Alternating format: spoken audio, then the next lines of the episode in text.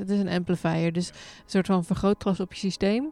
Uh, en het wordt natuurlijk, microdoseren wordt nu heel erg gepromoot als zijnde, het maakt je productiever, blijer, creatiever, dadida. En dat is het ook. Uh, maar laten we ook die andere kant benadrukken. Het, vergroot gewoon wat er binnenin jou leeft. Dus op het moment dat mensen zeggen van, oh, ik voel me de hele tijd moe of uh, een soort van onrust. Nou ja, dat kan één betekenen of je dosering is te hoog, maar het kan ook betekenen dat je gewoon echt moe bent. En niet bewust daarvan, want je gaat maar door. Je blijft maar koffie drinken en gaat door, door, door, door. Dus sommige mensen hebben echt, wanneer ze aan een uh, cyclus beginnen, een microdoseercyclus, de eerste twee weken gewoon dat de moeheid er eerst even uit moet. Dat ze eerst gewoon echt even moeten slapen voordat ze de, de voordelen kunnen ervaren.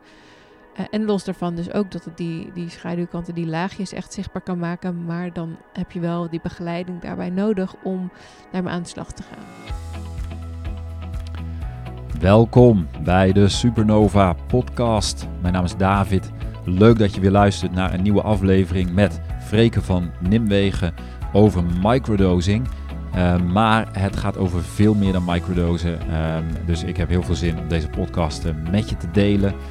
Um, vooraf heb ik twee hele korte dingen. De eerste is, vind je deze podcast interessant? Vind je waardevol? Heb je er wat aan? Dan doe je mij een groot plezier om deze podcast te delen met iemand in je omgeving. Uh, wil je meer weten over deze podcast, over mijn werk? Dan kun je even kijken op davidpieters.com. Je bent van harte welkom om een kennismakingsgesprek met me aan te vragen. Om meer te weten over wat ik voor jou kan doen. En dat is ook hoe Freke zelf bij mij terecht is gekomen. Daarover vertelt zij zometeen. Um, dus without further ado, um, let's dive in, zou ik zeggen, met uh, Freke en dit uh, hele mooie gesprek. Heel veel luisterplezier. Um, nou, Freke. Yes.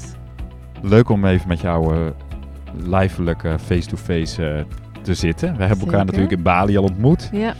Jij nam op een gegeven moment contact met mij op gaan we het wel even over hebben. Misschien leuk om daar, over te, daar zo meteen mee te beginnen. Ja. Maar we gaan het hebben over microdosing en over wat jouw werk nu is. Um, dus ik zie, wel, uh, ja, ik zie uit naar dit gesprek, want ik heb eigenlijk nog nooit een podcast gedaan over microdosing. Mm -hmm. Het is toch wel een onderwerp wat veel meer, nou, veel meer aandacht krijgt in ieder geval, maar ook wel heel veel misverstanden misschien over zijn. Ja, nog een beetje taboe. Nog een beetje taboe. Nou, Ja. gaan we kijken of we daar iets aan kunnen doen uh, in deze podcast. Yes. Maar waar zullen we beginnen? Ja, jij nam op een gegeven moment contact met mij op. Ja, inderdaad. Ja. ja, ik zit ook even terug te denken. Want wij waren toen, um, ik was net bevallen van uh, mijn dochtertje. En in de fase van, oké, ik wil iets nieuws. Want ik had mijn bedrijf verkocht. Um, en ik dacht, oké, wat, wat nu? Dus ik zat echt in die tussenfase. En um, toen had het plan opgevat om naar Bali te gaan. Dus dacht ik, oh, hoe chill zou het zijn als ik in Bali dan een, een coach kan vinden of iemand die me kan helpen om dan te bedenken, om ja, inzichten te krijgen van wat wil ik. Uh, en toen kwam ik bij jou terecht. Ja. Ja. Ik moet gelijk lachen, want het leuke is over um, het idee van bedenken wat ik wil. Hè? Alsof we het moeten verzinnen eigenlijk Precies. wat je moet. En, en ik kan me herinneren dat ik ook tegen jou zei van, nou, volgens mij moet je wachten. Ja. En, en, en dat klopte ook uiteindelijk. Hè? Dat was wel. Klopte, ja. ja en, ik, en ik ken het proces natuurlijk van mezelf. Als je in een, in een periode zit waarin je niet helemaal weet van waar gaat dit schip heen. En, en de, het brein of de mind is zo snel geneigd om um, ja, Ja. allemaal oplossingen te bedenken. Ja, en het is niet normaal hoe normaal het dus is om dus na een paar maanden na je bevalling gewoon te moeten weten wat je gaat doen. En dat Ja. iedereen dat ook een beetje van je verwacht. Ja. Ja, dus ehm, ja, die onrust was wel een beetje. En tegelijkertijd ook wel echt vertrouwen. Dus ik wist wel van, ik ga niet zo het eerste beste doen. Want in, in het begin dacht ik, eh, toen ik stopte met in stok, nou, eh, mijn vorige bedrijf, toen dacht ik, nou, ik vind dit wel heel interessant wat ik nu aan het doen ben, maar dan ga ik het meer op freelance basis doen. Ja. Eh, duurzame wereld, gewoon Klopt, ja. communicatie, marketing. Ik kan me die gesprekken tussen ons herinneren. Want Instok, om even te vertellen, is eigenlijk een, een BV van Albert Heijn, geloof ik. Hè? Nee, nee, nee. Of- nee. We zijn eh, begonnen onder Albert Heijn, dus onder de vleugels van Albert Heijn, maar we waren altijd een aparte stichting. Ehm, en we, ja, we, omdat we vanuit werknemerschap bij Albert Heijn dit hebben opgestart. Maar het was een soort van vreemde eend, want we waren een stichting en wij waren het bestuur van die stichting. Dus we waren eigenlijk daarin vrij autonoom. Maar tegelijkertijd nog wel die link natuurlijk naar Albert Heijn, want die supportte ons. En het werd, op een gegeven moment werd het ingewikkeld. En toen zijn we in gesprek gegaan van oké, wat, wat willen we? Wat wil Albert Heijn? Wat willen wij? En toen zijn we er eh, ja, over eens geworden dat we helemaal loskwamen. Dus uiteindelijk zijn we eigenaar geworden van Instok. En dat zijn mijn compagnons eh, en nog steeds, Ja. mijn oud compagnons. Ehm, dus die zijn er nu nog steeds uh, kaart mee bezig. En instok, um, om maar even dan voor de luisteraar die denkt, ja, wat is dan instok? Ja. Um, dat heeft met ja, voedsel te maken wat niet helemaal aan de nou, zeg nu niet over de datum. Aan de supermarkteisen nee. voldoet, toch? De komkommer moet wel recht zijn. Ja, toch? nee, het is eigenlijk uh, al het eten wat niet verkocht wordt, maar wat nog helemaal goed is. Dus uh, niet, uh, niet producten die over de datum zijn, maar er zijn bergen met paprika's over en ja. heel veel ja, avocado's die inderdaad over zijn, simpelweg. Dus er komen mega grote aantallen, ja. komen er elke dag weer beschikbaar. Ja, dus de, nee, dat, dat verwerkt wij in onze eigen restaurants. En wat het nu is, is dat we ook zagen van uh, we moeten groter impact hebben. Want wat we nu doen is vooral bewustwording. Hè. Drie restaurants ja. vertellen aan mensen van dit is het probleem. En wij kunnen dit samen, als we hier ja. bewust worden, kunnen we hier veel meer uh, tegen doen. Maar uiteindelijk, als het zulke aantallen zijn, heb je de hele horeca nodig. En dat zijn mijn compagnons nu aan het doen. Dus we hebben een groothandel. We halen de producten op die over zijn, die niet meer verkocht gaan worden via het reguliere kanaal. kanaal en dat brengt ze ja. naar de horeca toe. Ja, maar jij had op een gegeven moment toch het gevoel van ja, dit is het toch, ik moet hier niet blijven. Nee. Terwijl je een van de fouten, ik weet niet hoeveel jaar heb je uiteindelijk... Uh, Zeven jaar. Zeven jaar toch wel. Ja. ja. Ja. nee, en het was heel grappig, want het was aan de ene kant echt helemaal, het paste 100% bij hoe ik in het leven sta. En het is niet voor niets gewoon dat je echt zo'n start-up gaat doen met een missie. En zijn daarover uh, ook, uh, nou, in alle kranten zijn we geïnterviewd en uh, heel, ja, heel de wereld over geweest om het verhaal te vertellen. Ja. Maar wat bij mij een beetje ging wringen op een gegeven moment was dat. Um, nou, enerzijds het neerzetten van een bedrijf is wat anders dan het runnen van een bedrijf ja. natuurlijk. Dus het, het, hele verhaal, de missie, het merk groot maken, vond ik fantastisch. En toen dat stond, toen was het vooral de operatie. Nou, dat, dat ligt mij echt niet. Nee. En anderzijds nee. werd ik gewoon heel erg naar andere uh, thema's getrokken. En vooral gewoon uh, uh, persoonlijke groei en bewustwording. Ja, ja. ja want daar, daar ging het dan een beetje, daar kwam je denk ik ergens op het spoor van, ja, wil ik hier wel blijven? Ja. Ondanks dat je dus uh, eigenlijk heel veel leuke uitdagingen had en iets kon opbouwen. Ja. Ja, ging jij op een, op een persoonlijke ontwikkelingsreis die zeg maar um, jou verder voerde dan instok? Ja, ja, ja want, want hoe tof, weet je, Instok heeft gewoon mega veel potentie. Het is echt nog steeds gewoon echt uh, aan het opschalen. Ja. En, hoe, ja, en mensen vroegen me wanneer het ging over voedselverspilling, dan wisten ze ons te vinden, zeg maar. Ja. Dus dat was een hele veilige situatie ook wel. Dat was super tof en heel veel mooie dingen mogen doen. Uh, maar nee, het was voor mij gewoon op een gegeven moment dat ik dacht van, ik kan hier niet meer in groeien zoals ik dat wil. Um, ja, ja. Dus er, er, werd een andere. Nou, je hebt wel een dappere stap gezet. Ik bedoel, je hebt, je, je hebt jouw aandelen verkocht en je hebt gezegd, nou ja, ik stort me in het diepe, ook al weet ik nog niet wat er komt. Nou, ja. ik ken dat. Ik heb Ja. dat in principe ook gedaan. Ja. Um, en, en ja, dan, dan sta je dus aan het begin van een nieuw avontuur waarvan je niet weet waar dat gaat eindigen. Precies. Uh, maar jij bent dus in dat proces um, um, bij de microdosing terechtgekomen. Ja. ja. Ik weet niet of ik nou nog een stap oversla. Nee, nee, het was ook eigenlijk de allereerste keer dat ik ging microdoseren, was het moment dat ik het inzicht kreeg, oh, maar ik mag gewoon stoppen. En uh, dat Ja. ik al, al, nou ja, zeg een jaar gewoon een soort van vast zat voor een gevoel dat de energie niet helemaal meer stroomde voor wat ik aan het doen was. En ik, dacht- ik dacht, hoezo vast? Ik mag gewoon stoppen. En dat was echt geen optie. Dus het, het stukje vrijheid ja. voelen, Ja. ja, dat was heel lekker. En dat was echt de eerste week dat ik ging microdoseren. Nou, er zijn niet veel mensen die gelijk zo'n aha-moment hebben wanneer ze beginnen met microdoseren. Maar dat was voor mij wel echt de... En dit was microdoseren met truffels. Ja. ja. Gaan we het straks over hebben. Maar even nog terug, je zei dat vastzitten en dat van, ik niet, zit niet meer op je plek. Hoe, als je nou terugdenkt daaraan, van hoe, hoe ehm, waar merkte je dat aan bij jezelf? Dat je gewoon ehm, aan een verandering toe was? Eh, ja, weet je, voorheen kon ik met mijn compagnons echt met strategiedagen, kon ik daar helemaal enthousiast van worden en kwam ik er met energie uit. En nu als we dan nadachten over waar gaat het heen, weet je, wat willen we nog, dan, nou, ik zakte gewoon in. Ik dacht van ja, weet je, wat jullie willen. Ik, ik, ik vind het helemaal, ja, ik, ja, ja. Prima, ja, maar wat doe ja. ik hier? Ja, Of- wat, ja, en ook gewoon meer mijn rol. Want het was, eh, mijn rol was, was gewoon communicatie, marketing, sales. En dat werd gewoon steeds meer sales. Want ja, er moet Ja. gewoon een, een bedrijf gerund worden en er moeten gewoon klanten binnengehaald worden voor dan de- met name de groothandel. Toen dacht ik, ja, maar ik ben nu gewoon een groothandel eh salesfunctie aan het Vervullen. vervullen. Dat wil ik niet. Dus Ja. ja, dat. Maar je had waarschijnlijk, je had dus in het begin nog een beetje dat weggeduwd van ja, nee, dit is het nu. Ja. eh, Typisch hoe je dan inderdaad door, door, door te microdosen, dat je dus in één keer bij een laag komt van jezelf, Ja, waar je eerst eigenlijk niet helemaal bij kon. Of Nee. die in één keer heel helder wordt. precies. Ja, ja want hoe, hoe simpel is het eigenlijk? Weet je, als je gewoon al de hele tijd voelt, dit is het niet. Om dan een keuze te gaan maken. Maar nee, het was... eh, Wat maakt die keuze dan zo lastig, denk je? Want ik bedoel, ik denk dat er heel veel mensen dit wel... Ik herken het van mezelf, trouwens een aantal Ja. keren in mijn leven. Ja. Maar toch is het altijd een, een, een, een stap om dan te zeggen van... Ja, wat dan? Waar, waar moet je dan op ankeren? Hè? ja. ja, die veiligheid is Ja. dan toch wel eh, belangrijk. Ik bedoel, toch... Het is wel een ding om echt vertrouwen te hebben dat er wel iets gaat komen. En dat, dat vertrouwen voelde ik heel sterk. Van er gaat wel echt iets komen. Eh, het geduld was daarbij Ja. denk ik meer de uitdaging van wanneer gaat het komen. Ja, Ja, diep vertrouwen hè, in jezelf uiteindelijk. Ja, mooi. Dus, dus eh, op een gegeven moment, nou ja, Bali bij een paar maanden geweest. Nou, we hebben elkaar natuurlijk eh, re- redelijk veel gezien. ja, Eh, maar op een gegeven moment, ja, kwam, was het voor jou helder. ja. Je had op één keer van, ja, ik ga met die microdosing verder. Ja, klopt. Ja, ik herinner me eh, vooral in Bali, dan hadden wij die strandwandeling. En toen eh, kwam ik ook echt met een soort van... Want jij hebt het de hele tijd gehad over... je moet die fuck yes voelen. En je moet die onderbuik voelen dat het klopt. Ja. En die heb ik de hele tijd in mijn achterhoofd gehouden. Van, want ik heb wel echt nou, twintig ideeën voorbij eh, eh, Ja, ja, ja. horen komen bij mezelf. Ik dacht, oh, ik ga dit doen, ik ga dat doen, ik ga dit doen. en dan dacht je slapen en dan voelde ik eh, toch niet de energie stromen. Ja, typisch hoe de mind werkt, hè? ja. ja. Ja, het is zo, zo interessant, want inderdaad, maar dat is blijkbaar wat wij leren in de, op school. Ik weet niet precies hoe het Ja, gaat, maar we ja. moeten iets verzinnen of Ja, zo. ja. En dan kun je natuurlijk best wel eventjes enthousiast ergens voor worden. Maar dat is Maar de ja. basis. Weet je, hoeveel, hoeveel ideeën... Ja, ook met Instok zeiden ook mensen heel vaak van... eh, ja, ik heb ook zo'n soort gelijk ge- idee gehad, weet je wel. Nou, oké.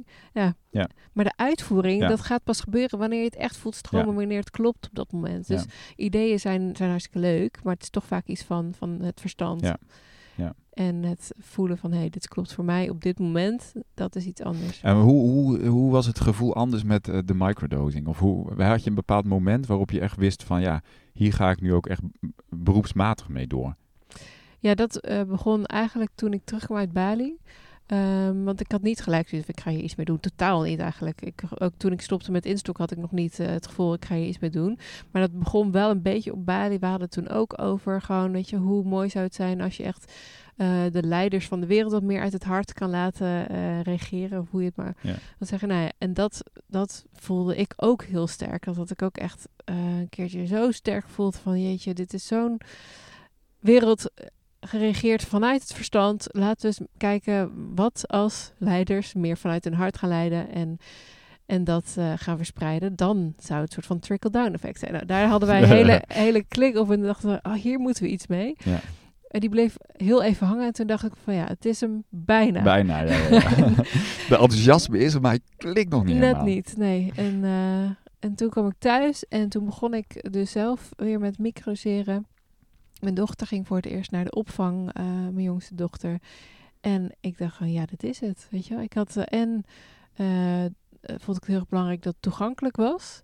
Want ehm, ik heb zelf heel veel gehad aan plantmedicijn reizen. Dus echt ook de macro-reizen. Maar die micro was eigenlijk net zo waardevol. Ja. Alleen een stuk toegankelijker. Want je hoeft niet helemaal een deep dive te maken. Echt in een ceremonievorm. En, en waar toch ook wel veel ja, angst bij komt kijken. Van echt even helemaal Ja, ja, eh, ja. loslaten. Nee, bij microdoseren is het gewoon echt dat ik zeg van nou, er zijn zoveel mensen die hier baat bij zou kunnen hebben. En ook zoveel mensen die op dit moment vastzitten. Want dat was natuurlijk midden in lockdowns de hele tijd. En oh, dat, dat was ook denk ik waarom ik echt duidelijk voelde van instok is het niet meer. Omdat ik zo bezig was met de wereld veranderen. Dus echt de hele tijd bezig met oké, we- klimaat, voedselverspilling moet allemaal anders. En dan tegelijkertijd jezelf vergeten. Terwijl het begint toch echt, en dan niet zo, eh, het begint bij jezelf, maar het begint echt bij eh, helemaal lekker in je vel zitten. Ja. En, en ook echt op je eigen energie kunnen varen. Want op het moment dat je in contact bent met jezelf, dan, dan ga je in contact zijn met de natuur. En dan wil je niet meer vervuilen of te veel over consumeren. Of, en dat, Ja. eh, eh, dus ik voelde heel sterk van nee, ik wil gewoon van eh, het duurzame stuk eigenlijk meer naar, well, Wat eronder ligt. ja, of meer basis. ja, ik heb- ik hoorde laatst de term ecological consciousness. Dus echt vanuit bewustzijn Ja. naar de wereld kijken. Dat wij één zijn met alles wat er is. Dus voor mij gaat het nog steeds om hetzelfde doel, Ja. alleen met een andere ingang. Ja, mooi. En wat heeft het microdosen, zeg maar, voor jou persoonlijk dan ehm, betekend? Of hoe zou jij kunnen uitleggen van ja, dit is wat het eigenlijk mij heeft gebracht of brengt? Eh, vrijheid, denk ik. Ja, innerlijke vrijheid. Dus veel meer kunnen uitspreken wat ik vind. En ook de angst die daarbij hoort. Want dat is wat microdosen, wat, wat plantmedicijnen doen, is die angst. eh, ja, ik weet niet zeggen, het is niet weghalen. Ik denk juist eerst even uitvergroten. Ja. Je er bewust van worden. En dan vervolgens kunnen zeggen, ik ga er niet meer naar handelen. Dus het is er nog Ja. steeds. Ook elke keer als ik weer iets post op LinkedIn over microseren, over plantmedicijnen. Dat ik denk, ja, wat gaan mensen hier nou weer van vinden? Eh, dat even voelen en het toch doen. Ja. Dus Klopt. ja, Ja, het is wel mooi dat je dit noemt. Hè. We, dat is ook een beetje de aanleiding van, ehm, denk ik, dit gesprek geweest. Van het naar buiten komen met je verhaal. Hè. Ik herken dat zelf ook wel. Van, tuurlijk zijn er altijd dingen waar we heel makkelijk over kunnen praten. Maar de, de echte dingen hè, die ons persoonlijk raken, ja, die zijn natuurlijk veel moeilijker om naar buiten te brengen. Want ja, wat vindt een ander daar dan van? En afhankelijk van het milieu waarin je natuurlijk eh, je begeeft. mhm. Maar goed, jij komt toch uit een vrij, ja, hoe zou je dat zelf omschrijven? het gezin waar ik uitkom. Nou, je milieu, zeg maar, van je werk en van je, je hele netwerk. Da- dat Ja. is dus wel een, wel een plek waarin je denkt van, oeh, kom ik hier met mijn microdosing en mijn plantmedicijnen. Ja, het, is een, het is een heel eh, ambitieus corporate netwerk, denk Ja. ik, waar ik uitkwam. Ja. En ook al kwam ik dan uit- ook wel ook de start-up hoek, maar ik ben natuurlijk begonnen bij, eh bij Aral Delhaize. Ehm, en omdat we echt die instok hadden opgericht, eh, ja, waren mijn linkjes bij de bedrijven ook gewoon op CEO-niveau. Waarbij je dan toch ook denkt van ja, ik heb zoveel kansen om die corporate ladder te gaan beklimmen. Gooi ik niet nu alles weg? Ja, ja. Maar- En, eh, en ga ik nu echt op datzelfde netwerk ga ik dan praten over bewustzijn en over eh, truffels en eh, ja. ja, ik zie daar een patroon in. Ik denk namelijk dat het precies perfect zo hoort te zijn. Hè? Hmm. Hè, je hebt een, de verleiding van, of ik weet niet eens of het een verleiding is, maar laten we zeggen, je hebt de mogelijkheid, en die Ja. zag ik ook hè, bij mezelf, om door te groeien en iets zeg maar te bereiken in de wereld, whatever het ook maar hè, Ja. waard is. Ja. Maar goed, dat is dan toch wel het beeld wat ons allemaal wordt voorgehouden. Hmm. Als je jong bent en studeert, of je denkt, nou, als ik een, go- een goede baan of een mooi bedrijf opbouw, of, eh, enzovoort. En dan voel je van, ja, dat is toch niet mijn weg. Nee. En, en dan kom je eigenlijk, ga je dus weg. Hè, je gaat een eigen ontwikkelingsweg en dan kom je eigenlijk terug in dat netwerk met hetgene wat je dan ja, te bieden hebt. Ja, ja, ja, en dat is En dan wel daagt het je dus uit om even, eh, ja. Oef, ja, die voel ik nog steeds hoor. ja en daar zit ik ja. middenin. Want ik, ik vind Ja. het nog steeds veiliger om lekker op Instagram te plaatsen dan op LinkedIn. Eh, maar daar zit wel, en dat, dat is ook wat jij laatst weer benadrukte, daar zit wel eh, mijn netwerk. En ook nu heb ik ook wel echt mensen in mijn groep zitten die uit dat netwerk komen. Dat vind ik ook super tof. Ja. Dus Ja, dan- ik zie het bij mezelf ook steeds meer van een tijdje. Hè, dus je moet, je moet echt je, je tribe een beetje vinden, maar ook je mensen. Ja. En ik voel datzelfde bij LinkedIn. Hè, dus ik heb daar ook heel lange tijd niks meer mee gedaan, want het Nee. was mijn oude, oude leven, zeg maar. Ja. Maar naarmate ik daar meer van mezelf laat zien, Hmm. hoe prettiger ik me er voel. Ja. En, en ik ook, krijg ook mooie verbindingen met mensen. Ja, Weet je, dus ja, een, een sociaal, dat wat we nu hebben natuurlijk met het sociale media, dat is ook heel, biedt ook heel veel mooie kansen om te verbinden met allerlei mensen. ja, onwijs. Ja, en het, het spannende is gewoon dat je niet precies kan zien wie de ontvanger is en dat dus loslaten. Ja, ja. Eh, en, en ja, er wordt over gepraat. Oké, nou ja, dan wordt er over gepraat. Ja. Dat, dat is eh, echt van, oh ja, heb je gehoord wat Freek is gaan doen? Ja, nou ja, prima. Dat is Ja, ook- precies. Het idee van microdose is dus onbekend en onbemind. Een beetje, is dat een beetje hoe jij het zag? Nou, het is heel dubbel, want ehm, onbemind, het grappige is dat iedereen het wel fascineert. Dus ook de mensen die het niet per se eh, gaan doen, die zeggen ook van, oh, interessant. En eh, grappig, ik heb hier nog nooit van gehoord. Maar je merkt toch dat wanneer ik iets plaats erover, dat ik dan privéberichten krijg. Van, hey, wat tof wat je bent gaan doen, interessant. Ja. Maar niet zoals normaal, eh, wanneer ik iets over voedselverspilling plaats, dan gaat iedereen commenten, weet je wel? Dan Ja, krijg je mijn bericht eh, keer tien eh, ehm, ja. gewoon qua, qua bereik, omdat mensen erop reageren. Maar dat, dat doen mensen dan toch niet. ja, interessant, ja. Ja. Nou ja, ik denk wel dat op het moment dat je kleur bekent... En ja, dat is voor, voor mij ook iedere keer weer het ding van... Als ik mezelf laat zien met waar ik gepassioneerd over ben... En ik, ik steek dat niet onder stoelen of banken. Ja, dan heb je dus... Ten eerste creëer ik dan de mogelijkheid dat mensen op mijn verhaal resoneren. Precies. Dat is eigenlijk wat ik wil. ja. En dat is ook wat jij wil. Ja. En iedereen die, die iets doet met eh, een bedrijf runnen of een start-up of iets van zichzelf uitdragen in de wereld, ja, die heeft daarmee te maken. Dus iemand zei mij op een gegeven moment van ja, maar je moet mensen de kans geven om op je te resoneren. Mooi, ja. En dat kan alleen maar op het moment dat je dus jezelf laat zien. Dat je de waarheid spreekt, ja. ja. Ja, je eigen Je waarheid. eigen waarheid, Ja, daar ben ik echt dit jaar gewoon heel hard aan het werk gegaan. Ik voelde van, oké, ik ben zo aan het pleasen. Ik ben, nou niet nu, maar gewoon echt mijn hele leven gewoon al zo aan het meebewegen met mensen. Aan het nadenken wat mensen willen horen. Ja. Dat is gewoon eigenlijk wat ik mezelf heb aangeleerd. Dus Ja. hoe ga ik nou echt, echt kunnen voelen wat ik zelf vind? Ja, herkenbaar. Ja. ja, ik denk dat, dat, dat, we- ja, dat we allemaal daarin worden uitgedaagd. Hè? Eh, Ja. om telkens te gaan staan voor onze eigen, we noemen dat onze eigen waarheid, maar eigenlijk voor wie je bent is dat. Mhm. Dit is wat ik doe of waar ik in geloof, whatever het is. Ja. En gelukkig leven we in een wereld waarin er heel veel eh, kleur is.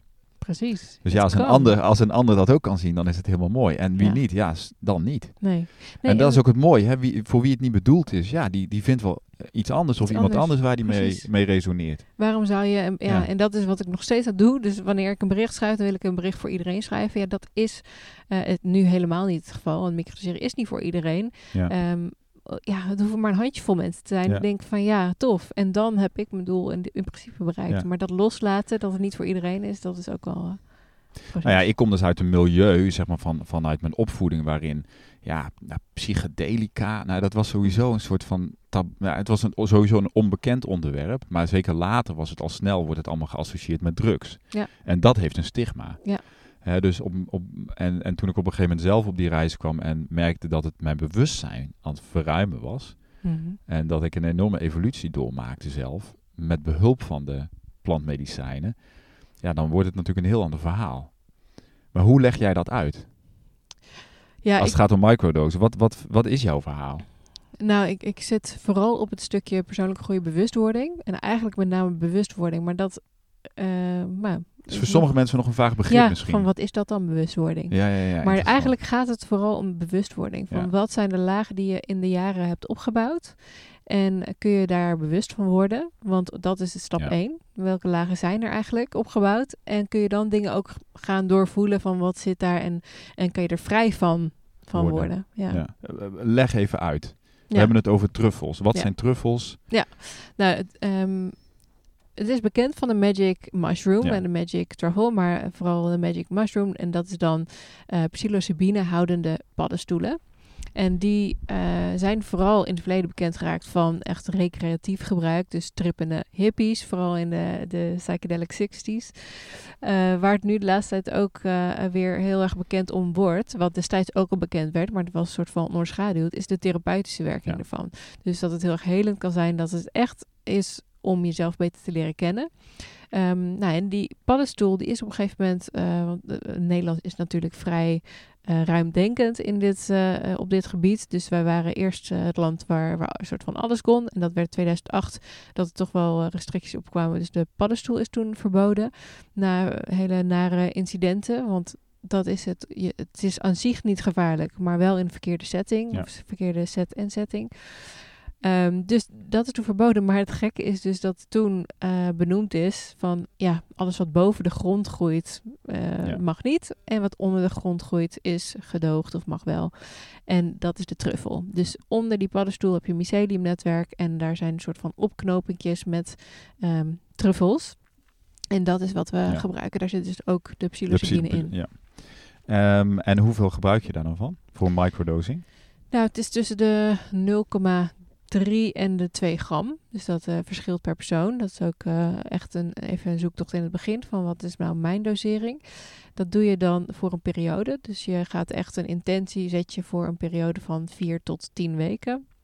En dan doe je het eh, als beginner, zou ik altijd aanraden om het één keer in de drie dagen te doen. Dat noemen Ja. ze het Fedical, het Fediman Protocol. Dus één dag wel, twee dagen niet. Ja. En dan En is het dan de bedoeling dat je een dosis neemt die je niet bewust kan waarnemen? Ja. Of wel? Nou, het is eh subperceptioneel, zeg of nou, ik Ja. weet niet. Het is afhankelijk van de persoon uiteraard. Afhankelijk van de persoon, dus je zou geen fysieke of visuele eh, nee, ervaring nee, moeten precies. hebben. Het gaat echt om subtiele, ervaring. ja, de subtiele ervaringen van, hey, lekkere flow in de dag. Of meer tevredenheid. Of ineens dat je wel een boek uit kan lezen. Terwijl je Ja. daarvoor tien keer afgeleid was. Eh, dat je in één keer in een gesprek denkt van... oh, ik kan veel beter verbinden met iemand. Kan Ja. echt beter luisteren naar de ander. Ehm, ik kreeg eh, in één keer heel veel eh, zin om op te ruimen. Dat Ja. soort dingen dat je denkt... oh, dit gaat wel echt veel makkelijker Ja, dan normaal. Ja. Ja, ik deed in Bali dan gewoon uit het vuistje. Dus zonder af te meten, maar microdoseren. En dan merkte ik wel dat... ehm, nou, dan kon ik ook al best wel diep in mezelf gaan. Ja. Hè, dus, misschien was het dan geen micro. Nou ja, maar niet dat ik niet, eh, niet, eh, de, niet per se een verandering van perceptie. Hè, nee. Maar afhankelijk van mijn eigen staat. Ja, Ik merk het- wel, dit, het is toch een uitvergroting hè, van wat Ja. er eigenlijk al in je leeft. Absoluut. Dus als ik eigenlijk gespannen ben, Ja. dan wordt die gespannenheid toch wel een beetje uitvergroot. Dat is het. Het is een amplifier. Dus een soort van vergrootglas op je systeem. Eh, en het wordt natuurlijk, microdoseren wordt nu heel erg gepromoot als zijnde, het maakt je productiever, blijer, creatiever, dadida. En dat is het ook. Maar laten we ook die andere kant benadrukken. Het, het vergroot gewoon wat er binnen in jou leeft. Dus op het moment dat mensen zeggen van, oh, ik voel me de hele tijd moe of eh, een soort van onrust. Nou ja, dat kan één betekenen of je dosering is te hoog, maar het kan ook betekenen dat je gewoon echt moe bent. En niet bewust daarvan. En niet bewust Ja. daarvan, want je gaat maar door. Je blijft maar koffie drinken en gaat door, door, door, door. Dus sommige mensen hebben echt, wanneer ze aan een eh, cyclus beginnen, een microdoseercyclus, de eerste twee weken gewoon dat de moeheid er eerst even uit moet. Dat ze eerst gewoon echt even Ja. moeten slapen voordat ze de, de voordelen kunnen ervaren. Eh, en los daarvan dus ook dat het die, die schaduwkanten, die laagjes echt zichtbaar kan maken. Maar dan heb je wel die begeleiding daarbij nodig om aan de slag te gaan. Ja. Dus dat is wel, eh, vind ik het mooie daaraan. Dat, Nou ja, wat ik mooi vind ook bij jou, is dat je, daarom klikken we daar wel in, is dat je ook, ehm, het werk is niet alleen maar van, het moet gewoon een soort van love and light zijn. nee, Maar het werk is ook dat we juist dat allemaal voelen wat eigenlijk niet zo comfortabel is. Want dat is allemaal weggestopt. Ja. Dus dat moet soort van zichtbaar ruimte, gemaakt worden. ja. En ruimte krijgen. Ja. Want er is niet echt een andere weg naar heling. Je kan niet zeggen van, nou ja, ik laat mijn alle onbewuste stukken gewoon zitten. En ik wil gewoon, eh, woep, ja. to the moon. Ja, maar 9 van de 10 mensen die, die wil dat. Ja, ja, ja. Dat is toch, ja. en, en eigenlijk 10 van de 10 mensen. Want ik wil het stiekem ook, maar ik weet dat het niet zo werkt. Maar Nee. daar heb ik me wel eventjes bewust van moeten worden. Het was voor mij ook echt een proces van Ja. jaren. Dat ik dacht, ja, ik, denk dat ik eh, heel lang en heel ver ben gekomen met positieve mindset. Gewoon alles omdenken. Ja, precies, ja. En het negatieve Dat werkte mocht voor mij echt- sowieso eigenlijk niet. Nee. Nee, ja, heel Ehm, goed. Ja, ik denk goed, ja. Ehm, maar het, het, het kan inderdaad tijdelijk helpen. ja, Maar ik denk, eh, maar goed, dat is het hele idee natuurlijk van een bewustzijnsreis of van echte persoonlijke ontwikkeling. Ja. Is dat je niet meer met een cirkel om jezelf heen loopt. Eh, Gaan voelen wat er daadwerkelijk in, jezelf leeft. wat er gebeurt. Wat ja. er gebeurt. Eh, Dat is, dat is echt volgens mij de, de manier om heel veel dingen op te lossen. Ja. Ik denk dat heel veel dingen, dus van burn-out tot eh, chronische klachten in je lijf, dat er heel veel komt door het niet willen eh, Ja. voelen wat er is. Ja, dat, le- dat we blijven toch maar weglopen hè, voor datgene wat eigenlijk in ons onbewuste om aandacht vraagt. Ja. Ja. En dit is gewoon het mens zijn. Toch? Ik Ja. bedoel, we zijn zo gewired dat we weg willen van gevaar. En dit ervaren we als gevaar. Dus op het moment dat we angst, en als dat angst is voor eh, een nieuwe stap, dus ga je, ga je baan opzetten, zeggen en wat ik heb gedaan. ehm, dat- je hele systeem zegt: dit is niet veilig, dit is niet veilig, moeten we weg van blijven, laten we het niet doen. Ja. En daar dan ja, toch de moed voor hebben om dat op te merken en dat toch te doen. Zeg maar. Ja. Dat is gewoon eigenlijk contra, zeg maar, tegen je gevoel gaat dat in. Ja. Ja. En wat voor soort mensen krijg je nu? Hè? Want in principe ben je begonnen met ehm, tool- Tools to thrive. Tools to Thrive. Ehm, en je begeleidt groepen mensen die dus een microdosing traject Ja. volgen. Ja. En wat voor soort dingen zie jij gebeuren in de praktijk, zeg maar? Voor, voor mensen om een idee te krijgen van, nou, stel ik zou daarin dat gaan doen, wat kan er dan met mij gebeuren? Eh, mensen ervaren vaak echt veel meer ontspannenheid. Dus eh, ik denk dat eigenlijk het merendeel van de maatschappij een soort van overbelast is met, met alles wat er op je afkomt gedurende een dag. Dus echt eventjes van oh, pff, zakken Ja. in die energie en gewoon het oké laten zijn. En, eh, en toch dus net zoveel of misschien zelfs meer gedaan krijgen. Maar gewoon echt veel meer voelen van oké, dit zijn de prioriteiten. Dit vind ik echt belangrijk in het leven. Eh, meer kunnen genieten van dingen, relaties die verbeteren.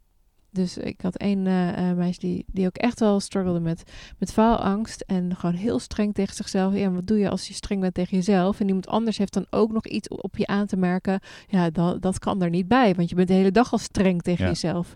Ja, ze zegt van, ja, ik ben nu milder naar mezelf. Waardoor mijn relatie gewoon ook gelijk zoveel fijner en beter is. Dus het zijn van die hele subtiele veranderingen die gewoon een wereld van verschil in je dagelijks leven kunnen Ja. maken. Uiteindelijk begint het daar, hè, toch?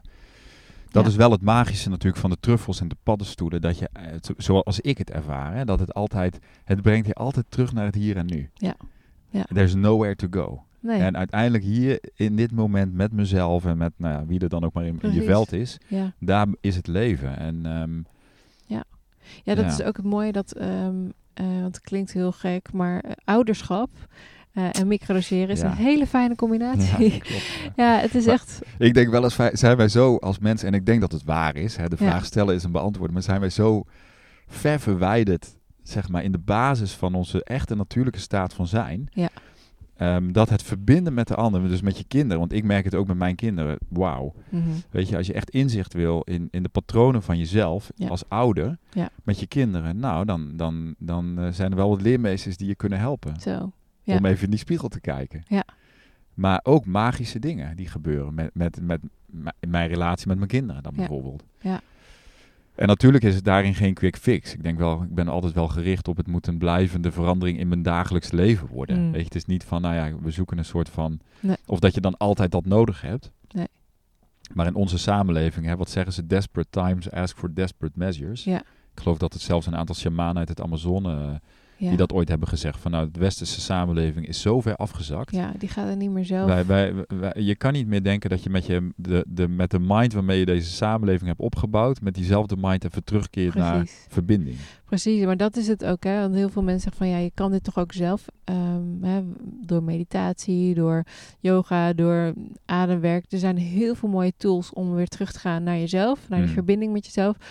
Maar op het moment dat je in die rush zit en eh, gewoon eigenlijk gewoon meedoet in de maatschappij, Ja. dan is dat bijna een stap te ver. Dus dit is dan even net dat duwtje in de rug en, en vervolgens kan je het zonder. Weet je? je hebt het niet standaard nodig Ja. dan, maar het is echt net even dat duwtje in de rug om Ja. wat meer connectie te voelen. Nou ja, dit zijn ook per definitie zijn plantmedicijn. Dat is natuurlijk heel anders dan denk ik wat we zien in de farmaceutische industrie. Ja, die wil je ook niet. Nee. Want dat is niet, ehm, hoe zeg je dat? Comfortabel? Mhm. Of hoe, hoe zou ik dat, hoe ervaar jij dat? de, de, wat de psilocybine doet Ja. dat het niet comfortabel is. Nee. nee, het is niet alleen maar... Het, nou, het- wat ik zou zeggen is antidepressiva onderdrukt dingen en de truffel vergroot dingen. Ja. Uiteindelijk is dat... Dat is waar het zit. Weet je, op het moment dat je het durft te zien, Ja. waar zit het hem? Heb je pijn die er nooit mocht zijn? Dus wat heb je meegemaakt in je jeugd, wat er niet de ruimte heeft gekregen? We zijn ook in Nederland zo van het bagatelliseren van... nee, ik heb een prima jeugd gehad, niets mis mee hoor. En ik ook. Ik heb dat Mhm. ook echt gewoon... Ik heb ook... Ik heb een prima een jeugd, jeugd gehad. Ja. Ja. Hebben we allemaal. Maar niemand... Wie heeft er nog meer een goede jeugd gehad? maar niemand komt er ongeschonden uit. Niemand. Het is gewoon... Je krijgt je normen en waarden mee. Klopt. En dat, dat matcht niet altijd met wie jij gewoon echt in wezen Ja. bent. Dus ga Nou ja, dat is mooi wat je zegt. Want dat, dat is dus de kern. Van het wil niet zeggen dat je...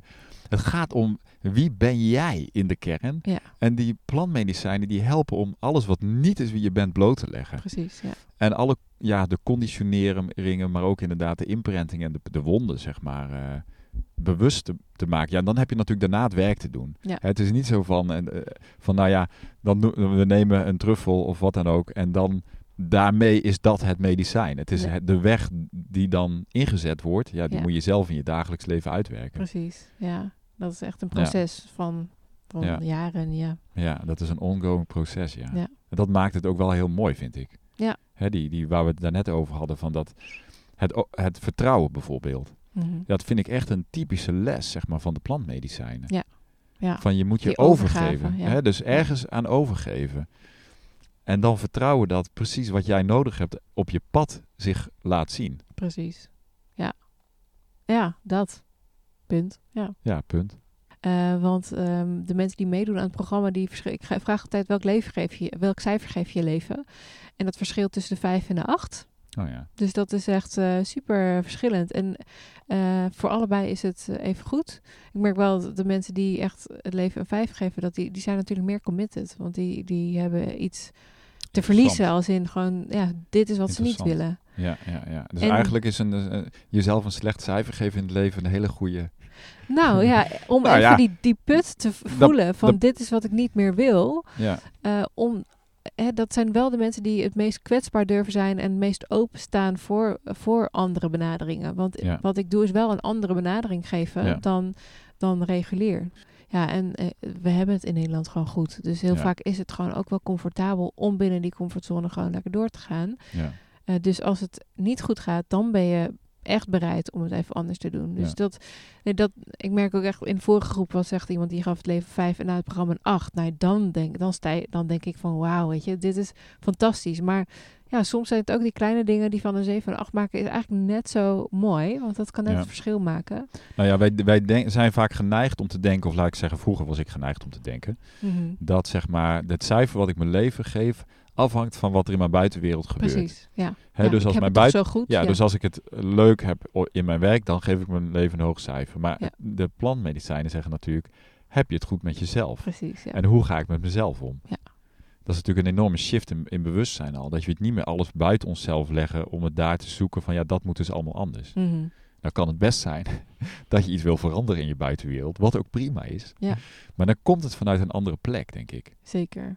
Ja, nee, precies dat. Gewoon hoe praat je tegen jezelf Ja. de hele dag. Ja. Ja.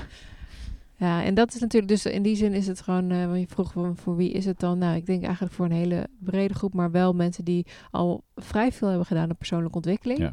maar altijd vaak toch vanuit het hoofd. En nu Ja, beginnend zijn in het pad van voelen en van bewustzijn. En Ja. eh, misschien al dingen met yoga doen. Of misschien al een keer eh, al mediteren dagelijks. Maar en mensen die ook echt nog helemaal niet op het pad van bewustzijn of voelen zitten. Maar vooral echt vanuit het hoofd. Ja, want daar gaat het eigenlijk om. Hè? Dat we dus uit dat hoofd Ja.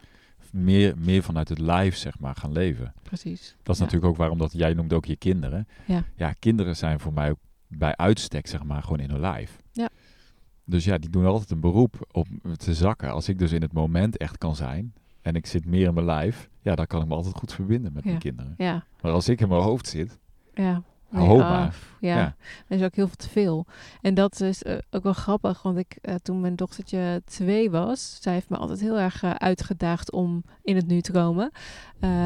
En daar heb ik heel veel geleerd, doordat ik het ook bij mezelf zocht. Dus je kan natuurlijk echt gaan zeggen, wat is er mis met mijn kind? Gewoon de zoveelste drift bij. En s'nachts had ze van die echte Ja. nachtangsten, van echt oh ja, ja, gewoon geen contact met haar kunnen krijgen, gewoon alleen maar overstuur. En ja, dan ga je Hmm. toch wel afvragen van oké, wat is er mis met haar? Maar ik voelde ook, dit heeft ook met mij te maken. mooi hè? En ik ben toen in gesprek gegaan met mensen daarover, een hele mooie coachingsgesprekken erover gehad. En eh, uiteindelijk gewoon, ik, ik moest veranderingen maken. En uiteindelijk heeft dat alles veranderd voor onze band onderling. Ja. Dus zij, zij is de grootste spiegel. Maar wat ik Ja. wilde zeggen, toen zij twee was, toen ging ik me verdiepen in hoe communiceer je met kinderen. Oh ja. Want dat is natuurlijk super grappig. Dat is, ja, de neva's kennen we allemaal, maar gewoon echt van ja, ik wil, ik wil chocola, ik wil dit, ik wil dat. Nou, je moet eigenlijk gewoon gedurende de dag de hele tijd een beetje zo proberen te manoeuvreren tussen wat jij wil en wat zij willen. Eh, maar hoe je daarmee omgaat, was voor mij echt een mega eye-opener van oh ja, wil je echt een chocolaatje? Hoe graag wil je dat chocolaatje? Ja, dus oké, daar word je altijd heel blij van, hè, van het chocolaatje. Nou, ik schrijf het op voor de volgende keer. Nu gaan we lekker naar huis en gaan we door. Ja, maar het is Dus zo het leuk dat jij dit aanstipt. Het erkennen, Want dat is het. inderdaad, op een totaal andere manier. Niet, eigenlijk is de kern dat je niet meer vanuit een soort autoriteit, Nee, van ik weet het, ja, iets op dat kind legt. Want het kind is echt, kinderen, hoe jong ze ook zijn, Ja.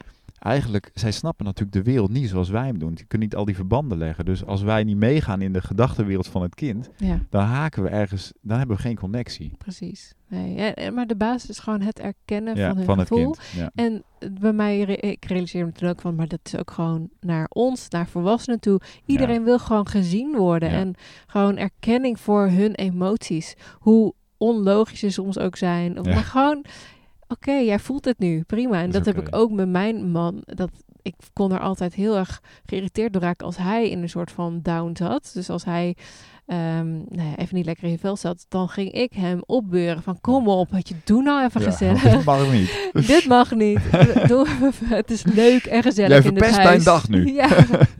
ja, en dat dus, de, oh, dat was voor mij ook echt gewoon zo'n ding van... Nee, hij mag dit voelen. Dit is gewoon zijn Ja. ding. En laat Ja, hem jezelf even daarvan losmaken. Precies. Want dat is dan natuurlijk de truc. Dat Ja. je denkt van, oh ja, dit is niet van mij, dit is van jou. Dat, ja. Hou het maar even bij je. En dan zet je, geef je, nou eigenlijk eh, bekrachtig je elkaar. Ja. Precies. is wel, het, het is een hartstikke mooie weg om zo te leven, vind ik. Ja. En ja, ik denk dat het leven, jij, jij noemde er net wel van ja, maar we hebben het heel goed in Nederland. Dat is natuurlijk ten dele waar. Mhm. Maar de, de werkdruk die wij onszelf Dat- opleggen. ja, ja. En inderdaad, het vele. Ik, ik sprak pas met een man, ehm, die woont ook in het buitenland, maar die was tijdelijk in Nederland voor zijn bedrijf. En die zei: Mhm. Ja, de productiviteit in Nederland, die is echt die, through the roof. Geweldig wat wij hier voor elkaar krijgen met elkaar. En dus dat is heel mooi. Mhm. Maar dat heeft een, een keerzijde. Als je kijkt inderdaad naar gezinnen Ja. En naar gewoon onze gezondheid, mentaal en emotioneel, ja, dan hebben we natuurlijk nog wel iets te doen. Zeker. Ja, nee, zeker. Dus dat, dat is precies de.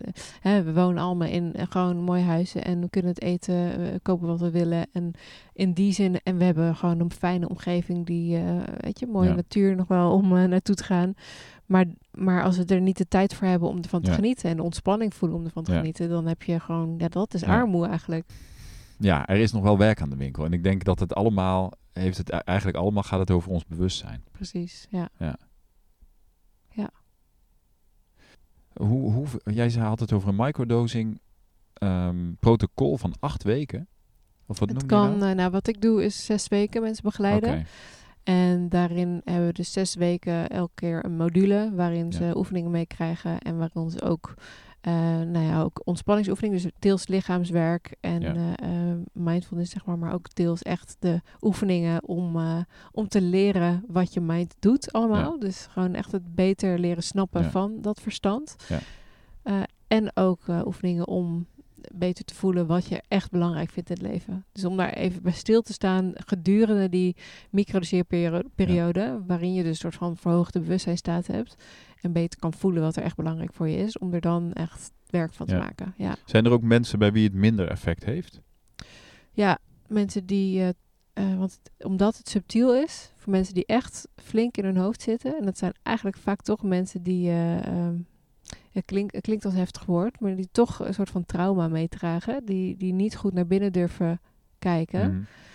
eh, dan is er meer voor nodig. Dus dan, en dat is ook wel wat ik, wat ik geef voor in mijn programma. Dus ik doe dan de combinatie tussen ademwerk Ja. en microdoseren en oefeningen. Dus een beetje een soort van die driehoek, denk Ja. ik dat dat een hele mooie combinatie is.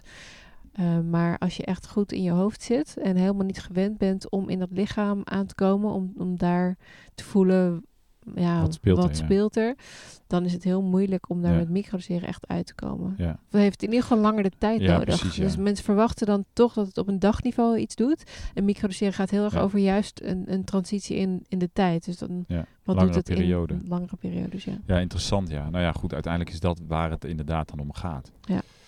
Maar goed, ehm, ja, en zelfs daarin kun je, zonder misschien gelijk heel diep in trauma te gaan, het al een verschil merken. Ja, al doet het echt gewoon een klein, een klein stukje van eh, meer voelen. Gewoon meer die ontspannenheid kunnen Ja. voelen. Dat is al heel mooi. Jij had het, wat ik dus merk bij de, de paddenstoelen dan, is dat er echt verbindingen in mijn hoofd aangaan. Hè, dus we hebben natuurlijk over, er gebeurt veel meer in het live. En dat, is ook, dat ervaar ik ook zo. Maar ik merk wel dat er gewoon echt een luikje open gaat. Hè, dat hebben ook, ze hebben het ook onderzocht. Hè, dat er Ja. dus verbindingen gelegd worden. Neurologische verbindingen die anders Precies. niet gelegd worden. Ik weet niet of ze blijvend zijn. Eh, maar in ieder geval tijdens de, de, de beïnvloeding, zeg maar, is er echt een verhoogde, ja, ervaar ik zelf echt een verhoogde activiteit. Ja. Hè, en dat is, dat is uiteindelijk bij iedereen zo. Ja. Ja, Ja, en bij microdoseren is het ehm, volgens mij niet zo... Ik weet niet of ze nou echt al hersenscans hebben gedaan. Want die hersenscans die ze hebben gedaan... waarin ze zagen dat er inderdaad tussen hersengebieden meer activiteit was. Dat de default mode network ja. eh, stiller gaat, werd. ja. Eh, dat de neuroplasticiteit toeneemt. Dus dat je ehm, Ja. hersenen makkelijker zich aanpassen aan nieuwe situaties. Dat is met name op macro onderzocht. Ja. Ehm, en micro zijn vooral heel veel ervaringen die zijn opgevraagd. Ja. En daarin zie je wel echt een blijvend effect vaak. Dus bij, maar dat, is, dat zijn vooral de ervaringsverhalen die zijn gedeeld. Ja. Dus ze zijn nu vooral heel veel met double-blind, gewoon met placebo's Ja. daarnaast aan het onderzoeken. En dat is al moeilijker. Want omdat het zo over bewustzijn gaat, op het moment dat je iets neemt en je bewust bent van, hé, hey, wat doet dit met mijn systeem? Dan ga je automatisch al meer naar je lichaam. Dus die placebo doet ook iets. Dus Ja, dat, eh, ja, het trekt je sowieso in het live. Ja. ja want je gaat denken, hé, wat voel ik nu? ja, placebo is super sterk. Ja, ja, gewoon de kracht van de mind. Ja. Klopt, ja. Ja. Interessant. Ehm, en hoe reageerde je? Hoe is uiteindelijk jouw omgeving er? Hoe reageerden mensen op je omgeving met jouw nieuwe bedrijf? Ja, met jouw nieuwe werk eigenlijk, want je hebt echt een enorme eh, omslag gemaakt. Vanuit het bedrijfsleven opeens naar, eh, naar microdosing en bewustzijn. Ja. Ja, nou mensen reageerden echt super positief op in ieder geval het stukje van eh, vertrouwen, geduld hebben en pas echt in, in actie gaan wanneer ik het voel. Dus ehm, eh, dat heb ik ook wel gedeeld met mensen. En eh, iedereen had ook zoiets van, ja, ja, weet je, super mooi dat je deze tijd neemt. Dus Ja. in eerste instantie vragen mensen, wat ga je doen? Maar als je dan uitlegt van, nou, ik ga het gewoon echt de tijd geven, dan zijn mensen er ook wel een soort van, ehm, nou ja, dat ze er echt wel eh, bewondering voor hebben. Van wat fijn dat je dat Ja, lukt. Dat je dat doet. dat je lukt, ja. Dat Nou ja, lukt. dat is wel waar. Ik bedoel, het is een enorme... Ja, dus die overgave. Wij zijn zo... Dat is die productiviteit. Ja, Je moet eigenlijk al weten wat het je volgende ding ga- gaat worden... voordat je al met het oude gestopt bent. Hè? Dat is natuurlijk toch wel hoe, eh, Ja, hoe we leven. ja, ja, en op het moment dat ik dus vertelde van ik ga microdoseren, toen, nou, ik zou zeggen, ehm, de mensen die al een beetje hierin zaten, die reageerden vooral heel positief. Maar er waren natuurlijk zoveel mensen die hier of niets van af wisten of ook niet zoveel mee hebben. En dat, ehm, nou ja, dat is dus heel wisselend. Dus de een Ja. die zegt van, wow, super gaaf, tof. Niet voor mij, maar super tof. Ja. En de ander die vindt het ingewikkeld van, oh, ik kan hier dus niet over meepraten. Maar ehm, ja, het is in alle gevallen oké, want jij weet zelf wel of dit de tool is naar meer bewustzijn. Maar dat hoeft het niet te zijn, Nee. want er zijn zoveel Klopt. andere manieren. Dus het is maar een tool. Mijn bedrijf heet ook Tools to Drive en dit is niet het enige wat ik wil aanbieden. Dus Ja. het gaat nu nog met de nadruk op microdoseren, maar er komen meerdere Ja. dingen bij. Ja, dat is ook wel goed dat je dat zegt. Want inderdaad, kijk, het is niet voor iedereen en het hoeft ook niet. Hè? Nee. Dus eh, ik, ik kan me herinneren dat ik vroeger wel eens dacht van als je dan iets hoorde, laten we zeggen, je luistert naar een podcast en je denkt, oh, dat moet ik dan dus ook. Ja. Nou nee, je hoeft helemaal niks. Nee, Het enige is dus inderdaad, waar krijg je energie, waar voel je dat je eigenlijk zin in krijgt? Ja. Voel je, word je ergens toe aangetrokken of niet? Ja. En dat kun je dan onderzoeken. Ja. En dat, dat, dat is uiteindelijk hoe je, denk ik, je leven moet, moet leven. Is van binnenuit, van nou ja, ja, resoneert iets bij me of niet? precies. Ja, en dan komt er op je pad wat, jij, wat precies bij jou past uiteindelijk. dat. Ja, het is gewoon heel simpel in de Ja, basis. in de basis is het heel simpel, Ja. mensen. Het is zo simpel. Nou ja, het is inderdaad simpel. Want eh, simpel als in de zin van kijk naar hoe een kind leeft.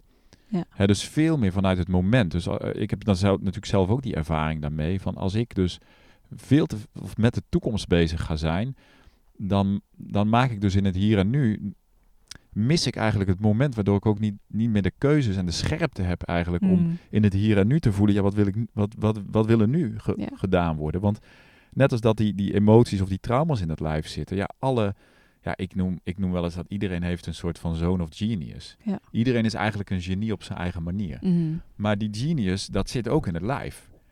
Dus Ja. als je het hebt over, ja, waar gaat de energie heen en flow? Ja, dat komt uiteindelijk toch uit het lichaam. Mm. Dus dan denk ik van ja, dus, dus dan is alles, je, je hele dag door kun je eigenlijk blijven voelen van, ja, geef ik mijn energie op dit moment aan het juiste ding. Je lichaam is je leraar. Ja. Zo simpel is het. En we zijn het zo verleerd om dat te voelen. Ja. Paracetamolletje, Ja, koffietje. koffietje. Weet je, zijn moe. Oh ja, even koffietje erin. Het is ook niet erg, maar Nee. het is inderdaad wel de weg terug. Van hey, eh, kun, kun, kan ik nog voelen wat mijn lijf wil? Weet je? Heb ik hier wel zin in? Heb ik hier energie voor? Ja. Vind ik dit überhaupt wel leuk? Als het Mhm. gaat over bijvoorbeeld, eh, nou ja, je vriendenkring of werk of allerlei dagelijkse dingen. Ja. Maar de, het is natuurlijk ook een beetje de cultuur. Doe maar normaal, doe je al gek genoeg. Van, moet het dan allemaal mega fantastisch zijn en je passie achterna? Weet je Ja, ja, snap ik. ja, werk is toch ook gewoon werk. Die zijn, Ja, maar dat is ook helemaal waar. Want het, voor mij sluiten die dingen elkaar niet uit hoor. Nee. Maar eh, voor mij hoeft dat ook helemaal niet. Alleen Nee. het idee dat je dus denkt dat het allemaal geweldig moet zijn. Mhm. Ja, daar gaat hij dan misschien mis. Ik denk Maar het, ja. ik denk wel met de, de, de- daar hadden we het voor dit gesprek ook over. Van nou ja, de weg van innerlijke bevrijding. Daar wordt het leven wel leuker. Ja, en ook de, de start with why, weet je, waarom doe je de dingen? Als dat er niet is voor mij, dan loop ik vast. Ja. Dus eh, ja, ik vind het ook niet leuk om de hele administratie te doen. En eh, een Nee. eh, pakketje versturen is ook niet het leukste. ja. Maar uiteindelijk is dit gewoon wel wat ik wil. Ja. Dus dan is dat gewoon Dat hoort allemaal dat hoort er erbij. gewoon bij. Ja. Ja, part of the package, ja, precies. Dus in de basis gaat het over, ja, is mooi wat je zegt. Tuurlijk zijn er altijd allerlei dingen die horen er gewoon bij. Ja. Maar als je weet waar je het voor doet, Ja. Dan maakt het natuurlijk het wereld van verschil. Ja. Mooi. Ehm, even kijken, wat hebben wij nog meer over microdosen? Zijn er nog meer dingen die jij wil, eh, die, die zeg maar belangrijk zijn om te noemen als jij, als jij zeg maar je verhaal doet over microdosing? Hmm. We zijn al heel eind gekomen, maar ik denk, ik denk dat de basis ook wel is van je wordt meer jezelf.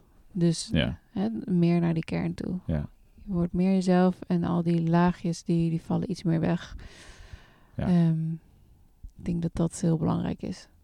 Dat is ook het mooie uiteindelijk. Ja. Nou, mooi. Misschien moeten we het gewoon afronden hiermee. Ja, Waar leuk. kunnen mensen jou vinden en volgen? Ja, op LinkedIn dus. Op LinkedIn, Freken van Inwegen. eh toolstodrive.nl Oké, en leuk. ook op eh, Instagram, toolstodrive.nl. Dus eh, daar. Leuk. Nou, Ja. ga Freken volgen zou ik zeggen. Dankjewel. Ja, ja. Leuk om dit eh, samen te doen. En Ja. ook leuk om met jou dat proces mee te maken. En dat vind ik zelf heel mooi om te zien. Omdat het zo herkenbaar is. Hè? Dat naar buiten treden, hè, iets ouds achter je laten. Het is zo'n... Het is een heel, ehm, ja, super, eh, een soort kookpot, zeg maar, van ontwikkeling, hè, waar je dan in zit. Zeker ook als je met je bedrijf dan naar buiten gaat en je hebt iets te bieden en je, en je, en je, en je denkt van, oh, wat vinden mensen hiervan? Of- Ja, dat. En ik denk dat we dat allemaal herkennen. Ja. Weet je, iedereen herkent dat, hoor. Ja, dat, ik denk het ook. Ik hoor ook vooral van ondernemers. En het is dan vooral als je gewoon echt je, echt je persoonlijke missie of soort van... Hè, want je zit ook nog zo'n persoonlijke groei. Dus Ja. moet je het dan allemaal weten? Nee, juist niet, denk ik. Maar in ieder geval het stukje promotie van waarvan jij denkt dat mensen kan helpen... dat is zo kwetsbaar. Ja. Zo kwetsbaar. En elke keer dan begin ik er met een groep en denk ik... oh, gelukkig, het is het echt. Weet je wel, ik, wil, ik word hier echt nog steeds heel blij van. Want dat hele st- voortraject, Ja. het kost zoveel energie soms. Ja, ja. het, het promoten van je dienst of je product, Ja. dat is ook een uitdaging. Zeker op het moment dat je dus op, heel dicht op jezelf wil blijven. Hè? Dus kijk, Ja. als je gewoon allerlei marketingtrucjes wil gebruiken, nou, pik, hè, dan kun je van alles kiezen in de Mhm. online wereld. Maar als je dus vanuit een authentieke manier dat wil doen, Ja. dan ga je toch telkens, ja, dan word je dus ook bewust. Ja. En Ja. dat is dus, het is eigenlijk een Al bewustzijnsreis. patronen, Ja. ja. van al die patronen. En ik heb zoveel respect voor iedereen die, die ehm, in deze wereld vanuit zijn hart onderneemt. Mhm. En die zichzelf toch zichtbaar maakt. Want daar maken wij de wereld wel mooi mee. Ja, En weet je, er zit natuurlijk vaak ook een taboe op verkopen dan, hè? Ja. Van, oh, dit is, eh, ja, wat vinden mensen daar dan van? Maar weet je, wij hebben iets te bieden aan de wereld. mm. Weet je, jij hebt iets Je te bieden, iets ik heb iets te bieden. ja. En dat wil je bekendmaken. En, en daar hoef je ook niet voor te schamen. Nee. Weet je, dat is niet zo... Ja, of ja, dat klinkt eigenlijk wel heel vreemd. Maar het is toch op het moment dat je dus met dat stuk aan de slag gaat... Ja. Ja, zeker als je een oude wereld achter je hebt gelaten. Hè? Je hebt ook een bepaalde wereld soort van achter je gelaten. Nou, dan ga je hoppa. Ja. Ga je echt iets heel nieuws doen. Ja. En dat is ook kwetsbaar. Mhm. Dat maakt het ook mooi uiteindelijk. Ja. Dus voor alle mensen die eh, met hun eigen ontwikkeling bezig zijn en eh, gaan ondernemen, ja. gewoon mooi. Niet, niet, niet te snel opgeven. Nee. Hè, dat voel ik ook wel van. Het is echt, eh, ja, het is een, een, een proces van heel veel leren Ja. uiteindelijk. Absoluut. Absoluut. Nou, mooi. Dan laten we het hierbij. Ja, dankjewel. Ja, jij bedankt. Dankjewel voor het luisteren tot, eh, tot de laatste minuut aan toe. Nou, vond je deze podcast waardevol? Nogmaals, eh, fijn dat je even wilt delen met iemand in je omgeving. Ehm, wil je met mij doorpraten omdat je zelf ook, net als Freken, op een eh, kruispunt staat in je leven voor een verandering? Ben je op zoek naar, ehm, ja, wat moet je nu? Hoe wil je de transitie waar je voor staat doorheen? Kun je wel wat begeleiding gebruiken daarvoor, dan ben je van harte welkom bij mij. Ehm, stuur dan even een e-mail naar supernova.davidpieters.com. Daar maken wij een afspraak om gewoon kennis te maken, vrijblijvend. We spreken elkaar. Waar loop je tegenaan? Waar heb je begeleiding bij nodig? En dan ehm, lijkt het mij heel mooi om met jou in gesprek te gaan. Nou, dan laat ik het eh, bij deze hierbij en wens ik jou nog heel veel eh, een hele mooie dag toe en hopelijk tot horens en tot ziens. Doeg!